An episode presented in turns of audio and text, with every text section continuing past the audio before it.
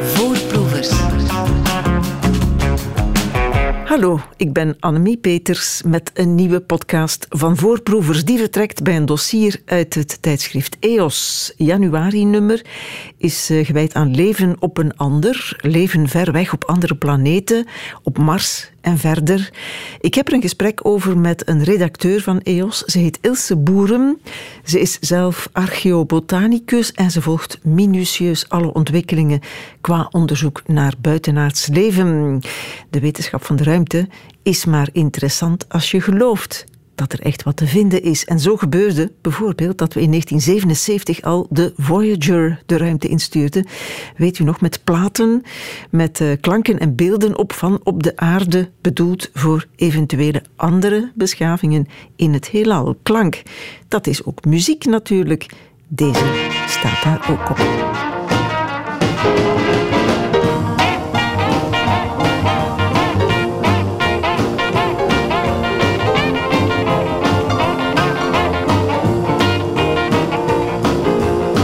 I told him someday you will be a man, and you will be the leader of a big old band. Many people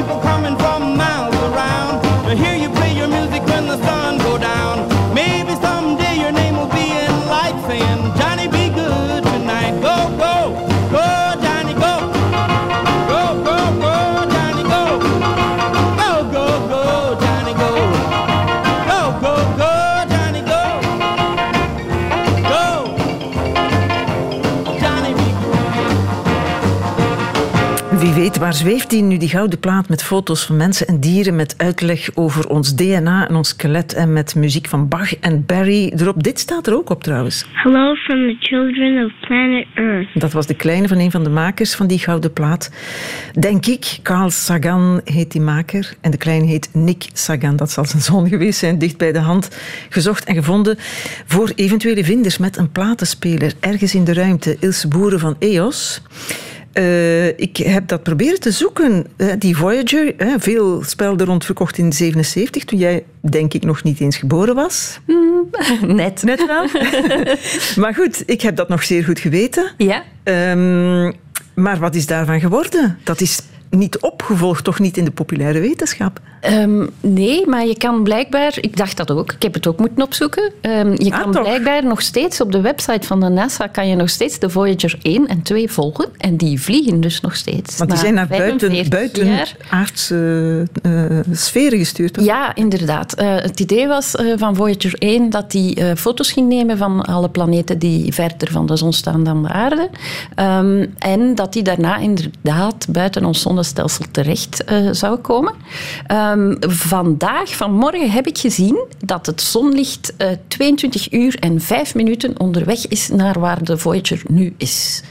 En kun je dan zeggen waar hij is? Ja, uh, in uh, astronomische eenheden enzovoort wel. En in lichtjaren. En hoe werkt dat allemaal? Ik dacht, misschien is de reis mislukt. Nee, ze is en niet communiceer ze daar dan niet over? Zou dat gekund hebben? Ja, waarschijnlijk wel. Hè. er mislukken regelmatig. lanceringen mislukken vaak. En dan, dat hoor je dan wel. Ja, maar, dat, dat, dat, hoor je dan wel. Of achterhaald bijvoorbeeld door andere inzichten had ook gekund? Nee, nee. die vliegt nog steeds. En sinds 2012 is die buiten ons zonnestelsel geraakt. Um, en uh, er zijn een aantal toestellen aan boord die niet meer werken. Um, en wat wel jammer is, in 2025 zouden ze zonder elektriciteit vallen. Dus dan is de connectie met de Voyager weg. Maar dan kan hij nog vliegen? Dan kan hij nog vliegen, maar uh, de toestellen zouden geen elektriciteit meer krijgen en weten we dus niet meer wat hij ziet. Dus wat er met die platen gaat gebeuren, oh.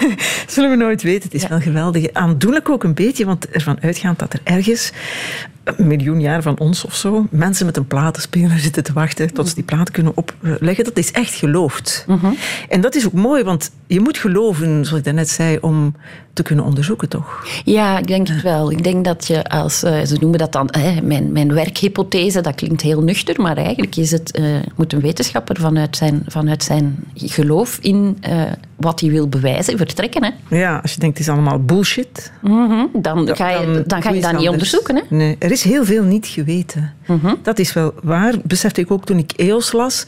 Maar ook bijvoorbeeld afgelopen week als ik hoorde van die asteroïden die op ons af ja. zaten komen en dat ze dat pas een dag of vijf op voorhand wisten. Blijkbaar een verrassing was, ik, ja. kom aan.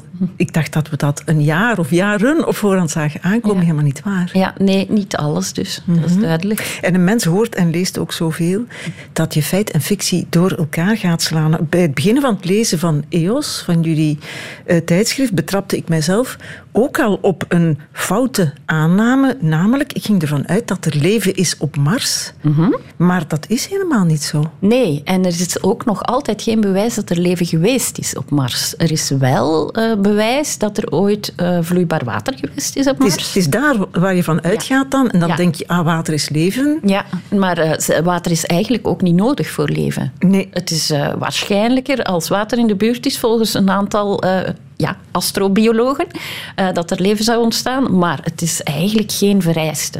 Nee, ik dacht leven op Mars, maar dat is dus niet. Maar dat wil ook niet zeggen dat er geen leven is op Mars. Mhm, inderdaad. Dus Alleen- Op dit moment is, het, is de vraag nog open. Eh, dus er, zou, er kan nu geen leven meer zijn op Mars, ehm, omdat eh, de straling daar te hoog is. Dus levende cellen gaan daar, eh, gaan daar dood. Maar het is niet uit te sluiten dat er ooit leven geweest is. En daar moeten we nog bewijs van vinden. Ja. Want dat hebben we niet. Ja. Wat vinden we dan wel op Mars? Waarvoor sturen we dan die onderzoeks... Ah ja, om, te- om eventueel bewijs te vinden van vorig Ja. leven. Ja, ja, ja. Is er leven op de maan trouwens? Nee. Ook niet. Ik las op 14 Nieuws. Sinds een Israëlische missie in 2019 hoogstwaarschijnlijk wel leven op de maan. Maar daar hebben we dan zelf voor gezorgd. Ja. Eh, die, eh, dat de Israëlische ruimtetuig is gecrashed op de maan. Ja. En dat heeft duizenden microscopische beerdiertjes achtergelaten. Mhm. En die hebben het waarschijnlijk overleefd. Dat zou kunnen. Beerdiertjes overleven heel veel. Maar dat is ook niet bewezen. Nee, dat is niet gewoon. bewezen, want ze zijn nog niet opnieuw gaan kijken of die beerdiertjes daar nog levend Dus ook dat is Ja. een veronderstelling. Ja, ja, ja. In, in dit soort eh, wetenschap, in dit soort onderzoek, moet je heel veel eh, denken en eh, verbanden leggen op basis van heel weinig informatie. Ja, maar waarschijnlijk is geen wetenschap, toch? Hè? Eh, jawel. Ah, Ja, ehm, dat is zelfs zeer wetenschappelijk. Je wil, je wil zelfs aantonen hoe waarschijnlijk iets is. En iets wat, eh, ja, dat is. eh, Wetenschap is, is zeker twijfelen. En wetenschap is ehm, zo waarschijnlijk mogelijk kunnen zeggen dat iets waar is. ja, ook over de ruimte. Ook over de ruimte. Maar toch altijd met het woord waarschijnlijk daarbij. Ja, dat is, dat is iets waar, dat, waar we dikwijls eh, ehm, al gemerkt hebben dat wetenschappers zich onbegrepen voelen. Hè. Dus als zij zeggen eh, het, is, eh, met, het is 99% waarschijnlijk, dan, dan is dat met alle statistiek en alles die erbij hoort, is dat zeer acceptabel. Dat is eigenlijk perfect. En dan lanceren ze dat naar de buitenwereld en dan zeggen die, ah, maar je bent niet zeker. Ja, ik zou dat ook zeggen. Ja, kijk. Want die ene procent is er nog altijd. Ja, die ene procent. Maar dat is, ze, ze, willen het, ze willen het vertellen zoals het is. Hè. Wat mij opviel, ook bij het lezen van EOS, is dat wij in België goede wetenschappers hebben. Ook wat het uh, buitenaardse leven betreft. Onder andere hè, iemand die jij geïnterviewd hebt. Emmanuel Javot is Belgische luiksbioloog en geoloog. Zelf zegt ze astrobioloog. Ja. omdat dat veel meer is dan biologie. Ja. En geologie zoeken naar leven op een ander. Dat klinkt, dat onderzoek dat zij doet, in eerste instantie saai, vond Ja. ik. Want het is zoeken naar cellen en structuren. Ja, ja. Ja. Waarom zo bescheiden beginnen? Omdat dat, eh, het, het oudste leven eh, waar we iets van weten, dat, dat was heel eenvoudig. Dat waren, geen- eh, dat waren geen meercellige organismen, zoals wij dat zeggen. Dus dat waren geen dieren, geen planten. Dat waren eencellige, dus microben. Op aarde. op aarde. En ehm, het is dus ook heel waarschijnlijk dat eh, dat ergens anders ook eenvoudig begon. Hoeveel procent waarschijnlijk? Dat heb ik niet gevraagd. Maar hoeveel denk je? Want ja, nu begin ik mij bij alles voor te stellen. Ja, hoe- Ja. Met hoeveel waarschijnlijkheid zegt ze dit nu? Ehm, als ik, eh, zij heeft gezegd dat ze heel overtuigd is dat er ergens anders leven is, maar dat ze zo goed als even overtuigd is dat het microbieel leven gaat zijn. Dus microben. Van die cellen. Ja. Dus Een- eencellige. dat iets. wat we ooit op de aarde hebben gehad. Ehm, ja, we hebben dat op de aarde gehad. We hebben dat nog steeds. Hè. 90% van alle biodiversiteit op aarde, is, dat is een grove inschatting, is nog steeds in, zit nog steeds in de microbenwereld. Dus uh, schimmels, gisten, archaea, bacteriën. Die zijn veel meer dan wij. En die kunnen ook veel meer... Um, extreme omgevingen aan dan wij, omdat die op een heel andere... Die hebben heel diverse manieren van... Uh, ja, uh, metabolisme noemen we dat. Dus een, van uitwisseling met hun omgeving. Van, van eten en drinken en uh, uh, ademen. Ja, die kunnen dus veel informatie geven over eventueel ander primitief, zeg maar zonder neerbuigend te doen, leven mm -hmm. op andere planeten. Mm -hmm. En dan zitten we bij jouw specialisatie, die archeo...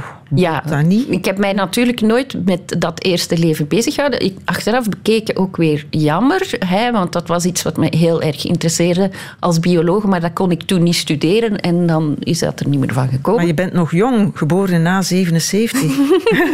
77 is met nooit te laat. 99 procent waarschijnlijkheid. ja.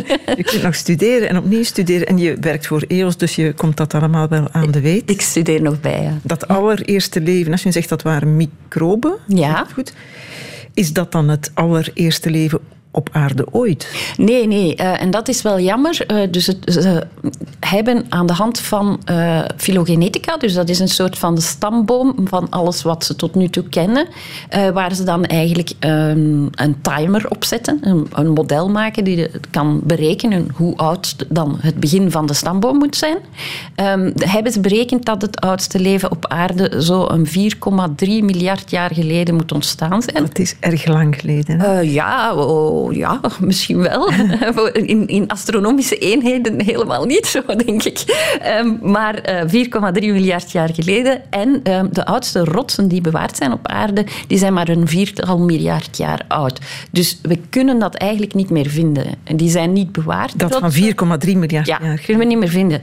En um, die rotsen zijn niet bewaard omdat wij hier platentectoniek hebben. Dus ja, de, de rotsen worden eigenlijk opnieuw gesmolten uh, door die vulkanische activiteit die hier op aarde heel actief is. Hè? Ja, maar eens te meer. Het is niet omdat het niet meer vindbaar is dat het er ooit geweest is, of dat het er ooit niet geweest is. Ja, dus het moet er geweest zijn, want we moeten ergens vandaan komen. Um, de, maar, oudste, ja, maar... de oudste organismen die, die um, waar iedereen het over eens is, dus de oudste fossielen waar iedereen het over eens is dat ze van leven uh, afkomstig zijn, dat is, uh, die zijn gevonden in Australië en die zijn, als ik me niet vergis, 3,4 miljard jaar oud. En die zijn al zo complex, uh, zoals Chavot dat zegt, dat ze weten dat er daarvoor ook nog iets geweest is. Ja, dat het niet kan dat dat daar begonnen is, yes. dat leven. Ja. En wat zijn de criteria om iets leven te noemen? Er zijn eigenlijk maar uh, vier criteria. Daar hebben wetenschappers heel veel over gediscussieerd. Maar uh, ze zijn tot de conclusie gekomen dat er eigenlijk maar vier criteria zijn om iets leven te noemen. Dat eerst, het eerste is dat je een compartiment moet hebben. Dus dat, dat zich verschilt, dat verschilt van de omgeving. Dus dat iets afgescheiden uh, van, de, van de omgeving, dat zijn eigen evenwicht kan uh, houden. Dus uh, in, in, op aarde zijn dat cellen. Hè, dus alle leven bestaat uit cellen. Um, maar dat kan evengoed, zegt zij, begonnen zijn als bijvoorbeeld kleine poriën in rotsen, waar dat er zo'n soort van microsysteempje ontstond dat verschilde van de omgeving. Dus dat is één. Ten tweede moeten die um, afgescheiden compartimentjes zich kunnen vermenigvuldigen. Uh, uh, dus delen afscheiden of hoe dan ook. In elk geval, ze moeten meer kunnen worden. Zich voortplanten heet dat ook. Ja, maar voortplanting, daar zit al een zwaardere lading op. Dat kan ook gewoon in twee delen zijn. Oké. Okay. En dan opnieuw groter worden. Um, dan uh, is er een metabolisme, om het woord weer te gebruiken. Dus een stofwisseling. Dat betekent dat ze energie gebruiken en die uh, gebruiken om bepaalde dingen op te nemen en bepaalde dingen uit te scheiden aan de omgeving. Uh, eten en drinken, om het maar simpel te zeggen. En naar het toilet gaan. Naar het toilet gaan. Mm -hmm. En uh, dan is een cel er... die naar het toilet gaat, is een raar beeld. Hè? Een raar beeld, hè? maar het, is wel zo. Hoor. Mm -hmm. Alles scheidt ook weer iets uit. Dus zelfs kleine eencellige microben. Um, en uh, dan is er uh, het principe van de natuurlijke selectie. Hè? Dan denken wij aan Darwin. Um, dus dat betekent dat de omgeving op een of andere manier invloed uitoefent op wat dan ook levend wezen. En dat dan, uh, dat, dat daardoor verandert, dat, dat zijn code verandert en dat die, uh, ja, dat het eh, dan. ehm, goh, hoe kan ik dat nu eenvoudig uitleggen? Ehm, Ik kan je niet helpen. ja, dat bedoel ik. Eh, dus, Daar eh, staan we dan. Eigenlijk, wat jammer. Ehm, eigenlijk ehm, is het zo dat als, als er een foutje gebeurt in, in, in het... Ik zal, ik zal het DNA noemen. Ze hebben het over leven op aarde en er is heel veel leven op aarde dat. DNA heeft. Dus als DNA een foutje oploopt, dan verandert dat iets aan eh, dat organisme. En dat kan in het voordeel van dat organisme uitdraaien of in het nadeel. En daar speelt dan het milieu een rol, waar dat, dat eh, organisme in leeft. En dat kan er dan voor zorgen dat, eh, die, dat die bepaalde eh, fout eigenlijk ja, ervoor zorgt dat dat, dat, dat organisme eh, beter groeit, eh, zich beter ontwikkelt dan de vorige vorm. Oké. Oeh. Dat zijn de vier ingewikkelde criteria Ja. voor leven. En dat zoeken we op aarde hè, Mhm. als eerste, waar het eerste leven ooit begonnen is. En dat moet je dan extrapoleren naar andere planeten. Want eh, je hebt alleen maar de aarde om mee te vergelijken. Ja, ga je naar datzelfde soort leven zoeken op Mars. Als het zo'n gezoek is, zo'n gepeuter naar cellen Mhm. die aan die bepaalde voorwaarden voldoen, hoe kun je dan datzelfde onderzoek, datzelfde minuscule onderzoek toepassen op stalen op Mars die wij niet zelf verzameld hebben? Ja. Die een machine verzamelt, Ja. een robot, Ja. volgens andere en minder ehm, ge- gedetailleerde criteria. Ja, inderdaad. Eh, dus die robot. ehm, ik zal misschien beginnen met de, met de toekomstige missie. Hè. Ehm, er zijn nu al ehm, verschillende ja, eh, orbiters die Mars eh, in doog houden. Een zevental. Eh, die vliegen daar rond. En die Dat zijn kunnen... een soort satellieten. Ja, dus dat zijn eigenlijk een soort van ja, een rondvliegende eh, bewakingscamera's. Die vliegen daar rond en die eh, analyseren hoe die planeet eruit ziet. En aan de hand daarvan, van die beelden, weten de onderzoekers bijvoorbeeld dat er. ehm, de vorm van de rotsen en zo, daar kunnen ze uit afleiden dat er op bepaalde plaatsen mogelijk water geweest is. Ehm, dus dat zijn al, dat zijn al interessante eh, dingen. Eh, Mars heeft bijvoorbeeld geen pla- platentectoniek, dus daar, daar kan je eh, nog altijd zien hoe het landschap in die tijd geweest is.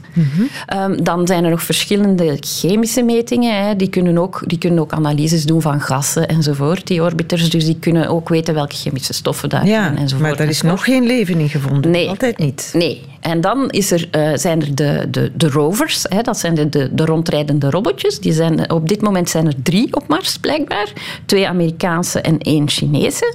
En eh, die kunnen dan inderdaad ook eh, stukken eh, rots en zo verzamelen. Eh, en ook heel veel informatie, omdat die dus wel degelijk daar zijn en, en eh, dichterbij kunnen komen. Ja, maar waarom doen die robots zelf het onderzoek?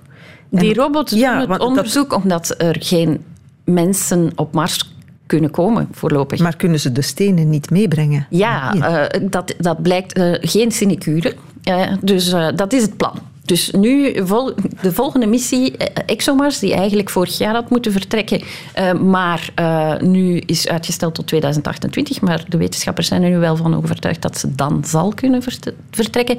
Die gaat al een gesofisticeerd labo uitzenden naar Mars. Dus een, een, een robotjeslabo, waar dat ze veel meer analyses mee gaan kunnen doen dan ze tot nu toe doen. Ehm, maar die rovers die er nu al rondrijden, die zijn al stalen aan het verzamelen en aan het bij elkaar brengen.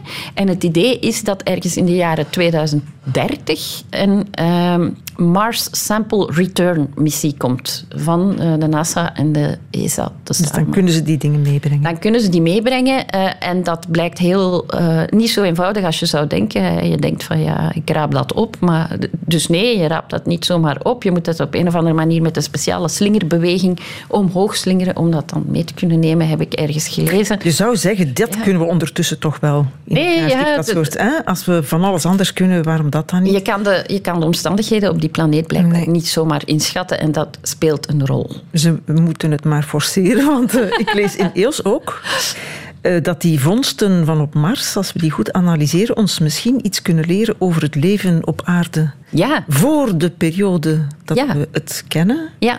Want, lees ik ook in EOS, de kans daartoe is groot omdat de twee planeten dicht bij elkaar liggen en allebei bewoonbaar waren Ja. in die tijd. Ja. Ik vind bewoonbaar een misleidende term. Ja, dan denk ik aan wij denken aan mensen. Hè? huizen bouwen. Ja, inderdaad, inderdaad. Het is eh, habitable in het Engels, in het eigenlijk nog half Latijn. Hè. Dat is eh, in de wetenschappelijke eh, dingen, in de wetenschappelijke terminologie. Dus ja, het gaat, er, het gaat erom dat er leven bewoonbaar voor eender welk leven.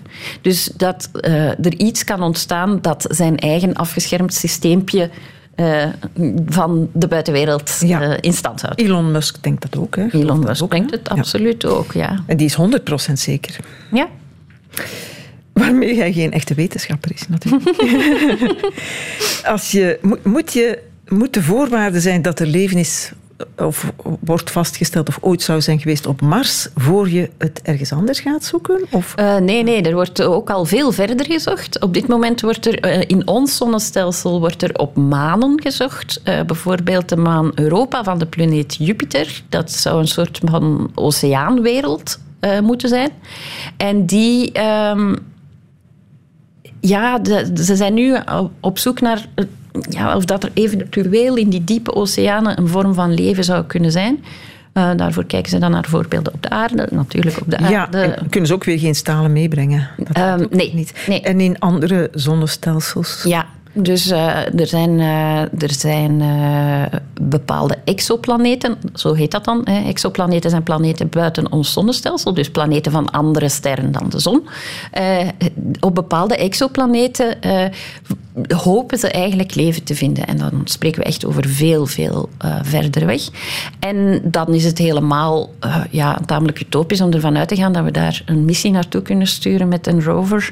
Eh, dus dat gaat wel degelijk gaan om ehm, ja, beelden van James Webb, analyses van de, hè, die nieuwe grote telescoop die dat ze gelanceerd hebben. Die kan tot andere zonnestelsels kijken. Ja, ja, en die kan daar dan bijvoorbeeld ook inschatten of ehm, een planeet een atmosfeer heeft, Ja. dus een dampkring ehm, en dergelijke dingen meer. En hoeveel van die andere zonnestelsels zijn er? Goh, eh, hm, miljarden? Nee, eh, Dat had miljoenen. ik vooraf met jou moeten bespreken. Die van... Ja, veel. veel. En kan dat dat dat on- oneindig is? dat Ehm, daar geen grens aan is? Ja, dat is een hele filosofische vraag. Hè. Ja, maar heel, dat, heel dat veel antwoord is, want dat, daar wordt zoveel over Ja, geschreven. ja, maar ja, niemand weet wat oneindig is. Nee, en, da- en dan zit je bij de volgende vraag. Het is niet omdat wij ons geen oneindigheid kunnen voorstellen Dat met ons menselijk brein, dat dat niet bestaat. Ja. Want Ja. wij zijn de hele tijd aan het praten over buitenaards leven, Mhm. volgens de normen van het aardse leven. Mhm. En ik snap waarom, omdat de aarde het enige is wat we hebben Mhm. om te vergelijken. Maar wie zegt, wie zegt toch dat er buitenaards leven er niet helemaal anders uitziet? Ja, en dat is eigenlijk ook wat die onderzoekers nu allemaal aan het doen zijn. Dus ehm, daarom ook die vier criteria. Het zijn er maar vier. Dus eh, het is je misschien opgevallen dat we het niet over DNA gehad hebben. Alleen toen ik uitgelegd heb wat dat natuurlijk selectie is, maar dat hoeft dus niet via DNA te gaan. Ik heb het niet over water gehad. Ik heb het niet over eh, zonlicht gehad. Ik heb het niet over zuurstof gehad. Ik heb het eigenlijk zelfs niet over koolstofchemie gehad, wat het hier de basis is van alle leven. Dus eh, de onderzoekers laten al die dingen los. Ja, maar je hebt wel gezegd reproduceerbaar op een Ja, andere maar dat is dus een criterium waar dat ook astrobiologen van overtuigd zijn dat alle leven, gelijk onder welke vorm, dat moet hebben. Dus ze hebben heel veel gediscussieerd en ze zijn op die vier basisvereisten van leven gekomen. Als iets niet reproduceert, dan kan het ook niet leven. Er is zo'n eh, een eh, planetoloog, bioloog die je citeert, die EOS citeert, hè? Mhm. of, of bovenhaalt. Sarah Stewart Johnson. Trouwens, merkwaardig hoeveel vrouwen er actief zijn Mhm. Ja, in die is planetologie.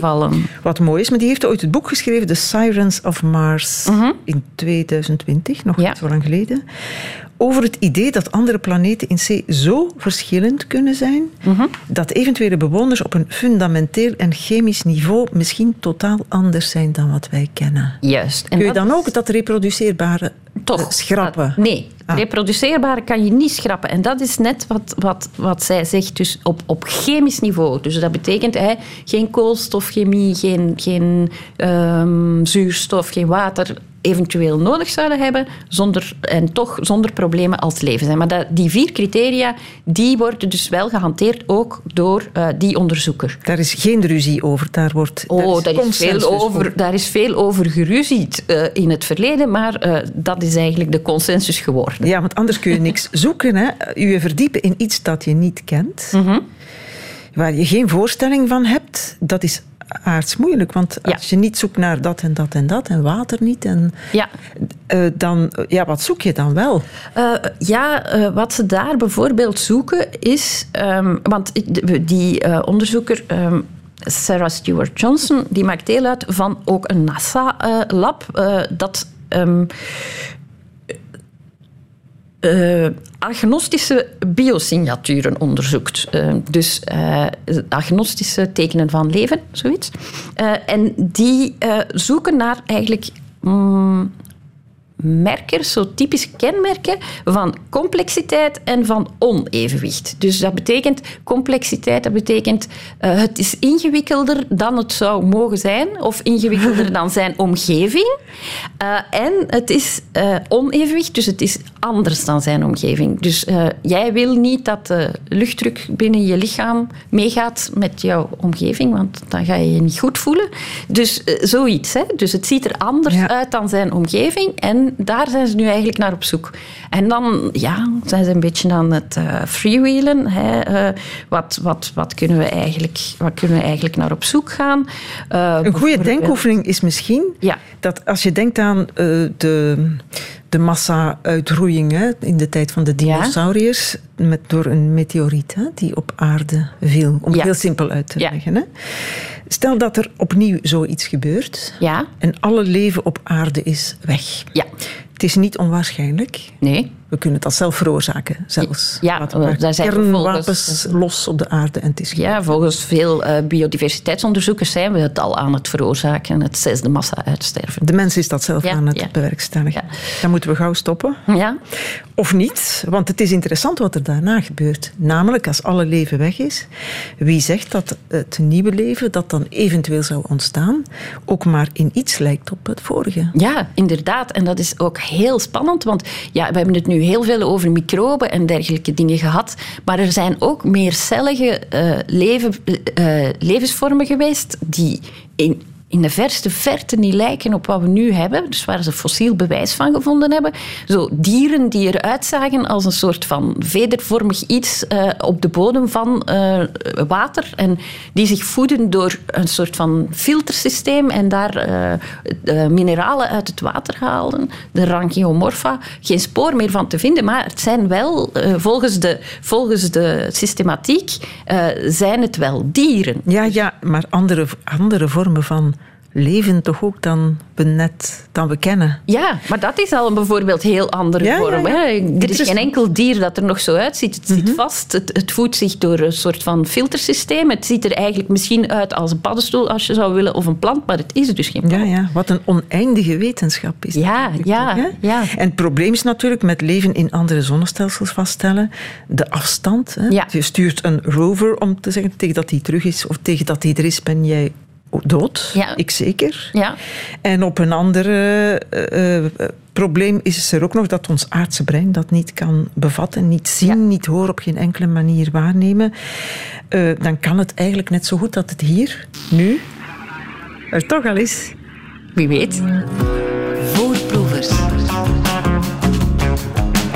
In dat laatste nummer van EOS staat ook tot mijn verbazing een hoofdstuk over UFO's. Uh, UFO's Undefined Flying Objects. Ik dacht dat we dat stilaan weggehoond hadden, dat UFO-gedoe. Wetenschappers zeker. Maar in EOS staat dat het onderzoek naar niet geïdentificeerde objecten wordt opgedreven. Wat wil zeggen dat het geloof in UFO's niet of minder belachelijk wordt ja. dan we het ooit vonden. Ja, dus uh, de uh, onderzoeker die geïnterviewd zegt... het is geen carrièrekiller meer van je te interesseren in ufo's. En uh, dat komt omdat... Um, de NASA uh, daar bijvoorbeeld ook weer een heel actief project heeft opgestart, die verschillende wetenschappers bij elkaar brengt om daarover na te denken. Uh, dus vooral om die onbestemde verschijnselen. Um, ze zeggen, eigenlijk moeten we niet van UFO spreken, omdat het meestal niet om vliegende uh, ietsen gaat, het, maar over ongeïdentificeerde Goh, Geïdentificeerd. Daar kan ik je wel in hebben, woord, helpen in uitspraken. Dank je. Ongeïdentificeerde luchtfenomenen. UAP, ja. Aerial Phenomena. Omdat heel vaak blijkt er een eenvoudige verklaring te zijn voor wat mensen zien uh, of denken te zien. En dat heeft heel vaak met uh, licht in de lucht te maken of dergelijke. En dus het is eigenlijk helemaal niks dat vliegt. Maar de, je hebt dat UFO-meldpunt ook in Vlaanderen. Hè? Ja, in België uh, is er een UFO-meldpunt. Ook een serieuze organisatie, want die nemen dat ook serieus. Die proberen elke melding uit te leggen, uit te mhm. zoeken, te verklaren. Die zeggen ook, veel van die meldingen worden verticaal geclasseerd, want zijn verklaarbaar. Maar dat wil toch ook zeggen dat een deel niet verklaarbaar is. Ze zeggen niet alles wordt weggegooid. Ja, nee, en weggegooid uh, doen ze nooit, want dat is net hetgene wat ze willen. Dus ze willen ervoor zorgen dat er geen complottheorieën ontstaan. Uh, dus ze willen een wetenschappelijke uitleg geven voor alles wat mensen zien, vandaar ook dat meldpunt. En uh, ze verklaren dan ook van u hebt dat of dat of dat gezien, als ze dat kunnen. En dan zijn er ook een aantal dingen die ze denken dat ze nog niet kunnen verklaren, dus waar ze op, naar op zoek zijn. En dan zijn er een aantal dingen waar ze echt niet niet zo goed van weten wat dat zou kunnen zijn. Zoals? Ken je daar voorbeelden? Uh, nee, eerlijk gezegd, dat kan ik niet zeggen. Dus nee, het is ook niet jouw, uh, nee. jouw expertise nee. natuurlijk. Nee. Uh, meer aandacht wil wel niet zeggen meer emotie daaromtrent. Nee, nee dat is net wat ze willen vermijden. Ja, dat is de bedoeling van dat meldpunt ook. Ja, hè? Ze willen verklaren en niet meegaan in mm. allerlei wilde fantasieën. Ja, inderdaad. In fake news, in om maar naar Dennis van den Buis te verwijzen. Uh, in EOS wordt Arjen van der Wel geciteerd. Dat is een professor sterkunde aan de UGent die sceptisch staat tegenover al te wilde verklaringen voor mhm. UFO-meldingen. Die zegt de meeste dingen die je niet begrijpt hebben waarschijnlijk een doodnormale verklaring. Ja. Als je wat rondkijkt, zegt hij verder, dan zal je elke dag honderden dingen zien waarvoor je niet direct een oorzaak vindt. Ja. ja. Ah ja, zo, zoals wat? Uh, ik weet het niet. Uh, de meeste mensen weten bijvoorbeeld niet waarom uh, er plotseling blauwe schimmel op een witte kaas groeit. ah, oké, dat soort dingen. Maar ja? ja? dat is helemaal uitlegbaar. Ja, maar dat bedoelt hij ook. Dus dat er heel veel dingen eigenlijk wel uitlegbaar zijn als je het systeem begrijpt. Ja.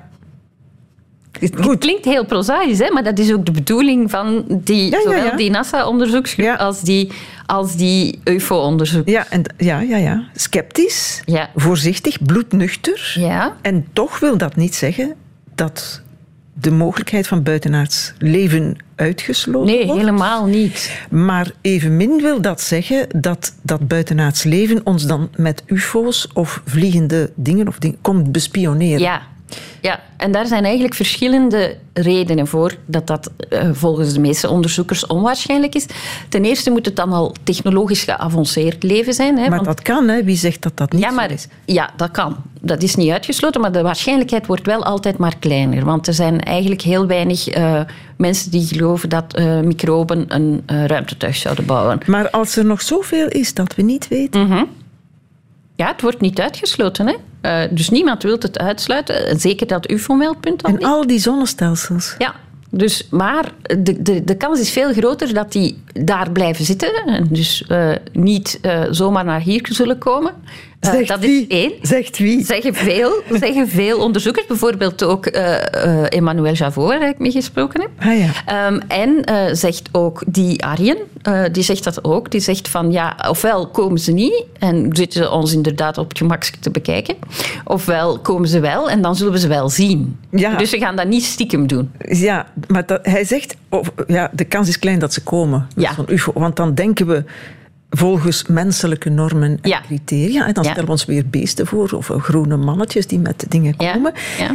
Dat zegt die professor Van der Wel. Waarop hij meteen zelf een antropomorfe uitspraak doet, vind ik. Het lijkt me veel waarschijnlijker, zegt hij, dat ze hun aanwezigheid duidelijk zullen aankondigen. Ja. Dat is toch ook uitgaan van menselijke, nee. menselijk handelen? Uh, nee, dat vind ik niet. Als je dat vanuit de biologie bekijkt, dan is het eigenlijk net logisch dat je je aankondigt. Hè. Ik bedoel, er zijn hier toch heel veel niet-mensen uh, rondom ons die zich uh, zonder problemen aankondigen. Die, dat de gras dat daar tussen de stoeptegels groeit, dat gaat toch ook niet eerst eens even komen kijken. oei, nee, vandaag ga ik niet ja. kiemen. Dus, ik stel mij bij aankondigen voor dat ze roepen. Ja, gras kan niet roepen, dat klopt. Maar we zien het wel, hè? Ja, dus eh, het is, je moet eigenlijk moet je bereid zijn om dat soort dingen los te laten. Maar zien is ook weer zo menselijk. Nee, zien is niet menselijk, want zien is, iets, uh, is uh, informatie uit je omgeving opnemen. En dat is eigenlijk uh, een, een, een, een van die basisvoorwaarden voor leven. Dus ja, zien is misschien menselijk, maar op een of andere manier informatie uit je omgeving ophalen helemaal niet. De zintuigen zijn. De zintuigen zijn menselijk, maar planten, planten zien ook. Ik, ik, neem nu planten als voorbeeld, omdat dat iets is wat iedereen kent en dat dat dan toch blijkbaar alien genoeg is om daar niet aan te denken op zo'n moment. Planten zien ook wanneer het licht en donker is, maar niet met ogen. Nee, zien ons komen afstappen als we hen gaan plat trappen. Mm, dat denk ik niet. Dat is dan, weer, iets dan weer, iets anders. Interessant. Als je, zoals jij, met zoveel met die dingen bezig bent, hè? met miljarden planeten, met mogelijk leven op die planeten, met zoektochten daarnaar, hoe groot is dan de kans dat je het onnozele leven hier kapot relativeert? Ik moet het eigenlijk rechtstreeks vragen. Relativeer jij de dingen kapot? Nee, ik relativeer de dingen en ik vind dat eigenlijk geruststellend.